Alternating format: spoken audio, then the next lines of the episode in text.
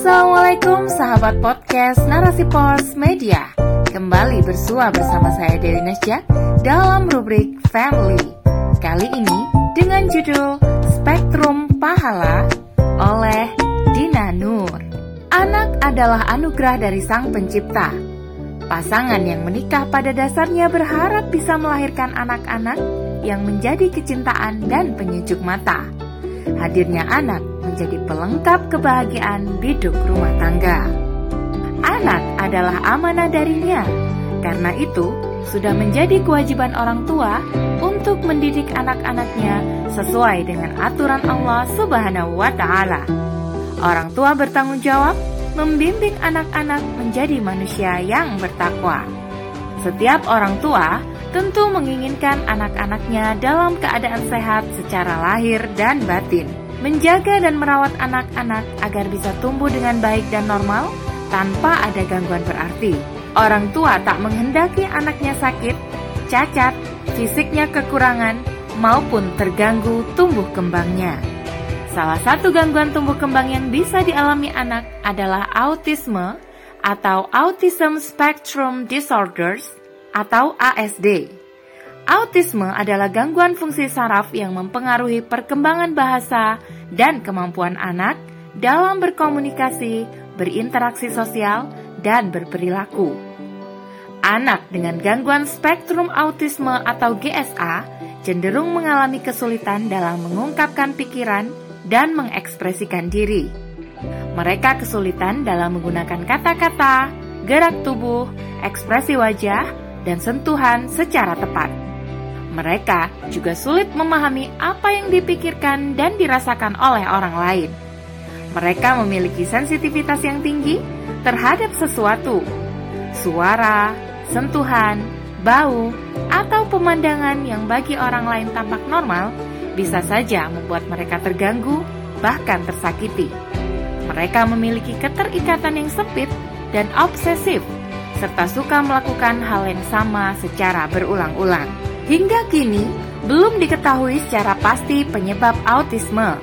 Namun, ada pernyataan bahwa penyebab autisme adalah karena gangguan di bagian otak yang menafsirkan masukan sensorik dan proses bahasa. Laporan dari National Institute of Neurological Disorders and Stroke menyatakan bahwa autisme bisa disebabkan oleh kombinasi faktor genetik dan lingkungan. Dari penelitian, ditemukan adanya beberapa kelainan genetik yang bisa memengaruhi seseorang terhadap autisme. Kombinasi gen tertentu dari orang tua bisa meningkatkan resiko anak mengalami autisme.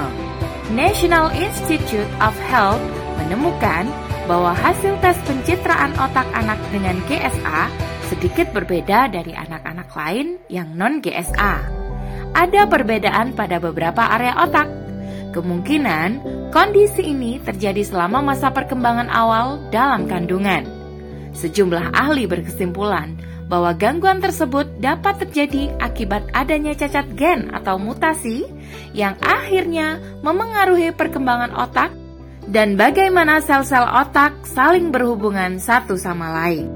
Seorang anak autis bisa sangat terganggu dengan suara mesin motor hingga ia menjadi gelisah, bahkan marah-marah.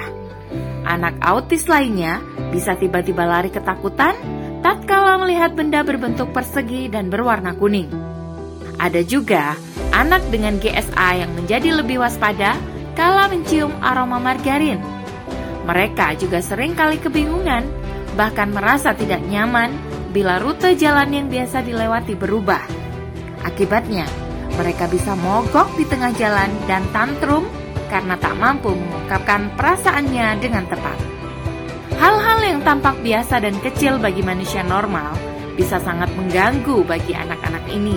Tentunya juga masalah besar bagi orang tuanya. Bayangkan bagaimana rasanya bila si anak rewel tak karuan, bahkan tantrum di depan umum, namun kita tak tahu harus bagaimana. Antara malu, takut mengganggu, berusaha sekuat mungkin membujuknya diam, kadang hingga kehabisan akal dan kelelahan. Kalau Anda melihat anak yang sedang tantrum di area publik, jangan buru-buru menghakimi. Jangan terburu menyalahkan orang tuanya. Bisa jadi dia adalah anak dengan GSA. Anak dengan GSA sering kali tidak bisa diprediksi. Moodnya bisa tiba-tiba berubah bila melihat atau menghadapi situasi yang tak terduga, yang tak biasa ia alami. Tak tahu harus bagaimana menghadapi situasi yang baru, membuat mereka sangat panik hingga memicu emosi menjadi tak stabil. Yang lebih buruk lagi adalah mereka bisa sampai menyakiti diri sendiri atau orang-orang di sekitarnya. Dan itu bukan karena mereka jahat, melainkan karena tak mampu bagaimana merespon sesuatu dengan tepat. Orang tua yang memutuskan membawa anak dengan berkebutuhan khusus ini ke area umum pastinya telah mempersiapkan dengan matang sebelumnya. Demi menjaga anaknya nyaman selama di luar, orang tua bahkan bisa membawa bermacam-macam barang, seolah hendak berangkat perang. Ini sekaligus juga demi kenyamanan seluruh anggota keluarga dan orang-orang di sekelilingnya. Pergi keluar rumah bagi individu berkebutuhan khusus dan keluarganya tidaklah sesederhana sebagaimana keluarga normal lainnya. Yang bisa kita lakukan adalah bersikap sewajarnya. Mereka juga manusia yang memiliki perasaan juga, meski dengan kondisi yang berbeda dan tak biasa.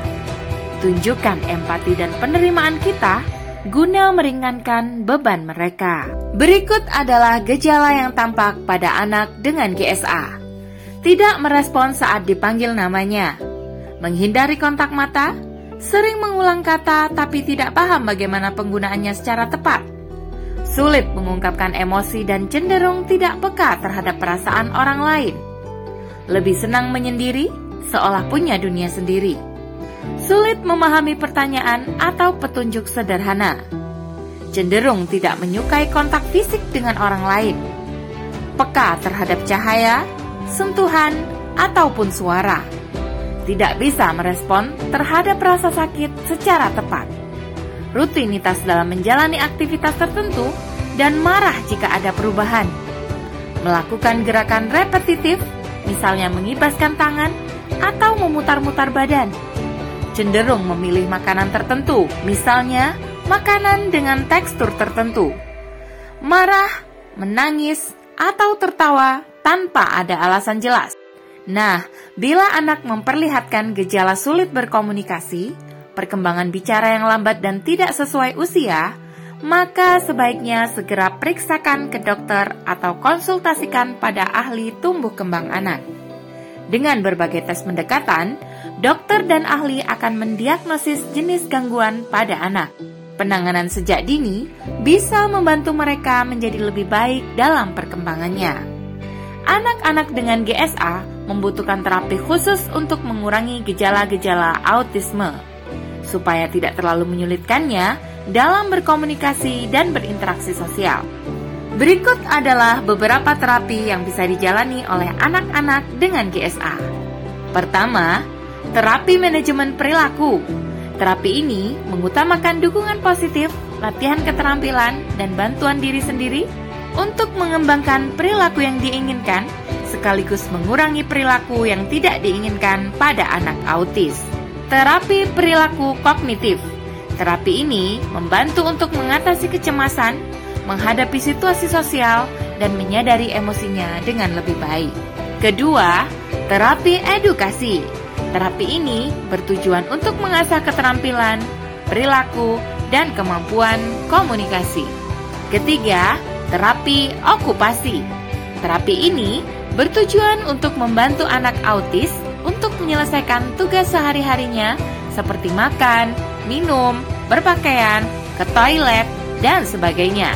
Dan keempat, terapi fisik. Beberapa anak dengan GSA memiliki masalah pergerakan terapi ini untuk melatih fisik guna meningkatkan kesehatan, kekuatan, keseimbangan, dan postur mereka. Menjaga asupan nutrisi dan pola konsumsi. Sejumlah anak membutuhkan diet karena memiliki alergi terhadap makanan tertentu yang bisa mempengaruhi fisik dan emosinya. Dalam banyak kasus, anak-anak ini sensitif terhadap makanan yang mengandung kasein, seperti susu sapi dan produk olahannya dan juga Gluten ditemukan dalam biji-bijian seperti gandum dan jelai.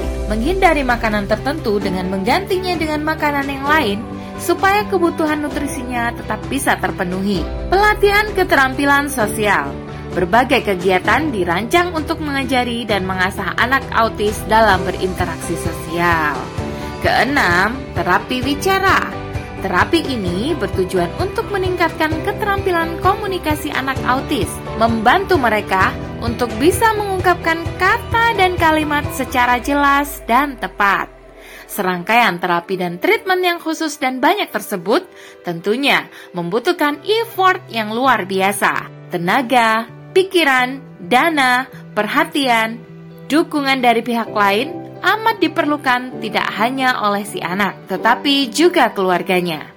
Orang-orang di sekitar, masyarakat secara luas, dan utamanya negara haruslah memberikan bantuan yang bisa mendukung pengasuhan anak-anak dengan GSA. Untuk melakukan terapi atau mengikuti sekolah khusus bagi anak-anak dengan GSA, orang tua bahkan bisa menempuh perjalanan berkilo-kilometer dari rumahnya Kadang, demi hemat tenaga dan uang, sang ibu atau ayah menunggui di tempat si anak belajar atau terapi. Tentunya dibutuhkan kerelaan untuk menunda pekerjaan atau tugas lainnya. Banyak sekali pengorbanan yang dilakukan orang tua dari anak spesial demi si buah hati. Bila tidak ada keikhlasan dan kesabaran, maka akan sangat berat. Hanya dengan mengingat Allah saja, semua bisa dijalani pahala telah menanti bagi orang tua istimewa ini. Sebagaimana firman Allah dalam surat Al-Anfal ayat 28, Ketahuilah bahwa harta dan anak-anakmu itu hanyalah sebagai cobaan dan sesungguhnya di sisi Allah adalah pahala yang besar. Anak-anak dengan GSA sejatinya adalah ciptaan Allah yang istimewa. Tak ada hisap atas mereka sebab Allah telah mengangkat akal mereka. Kelak mereka akan langsung pulang kembali ke surga tempat mereka berasal.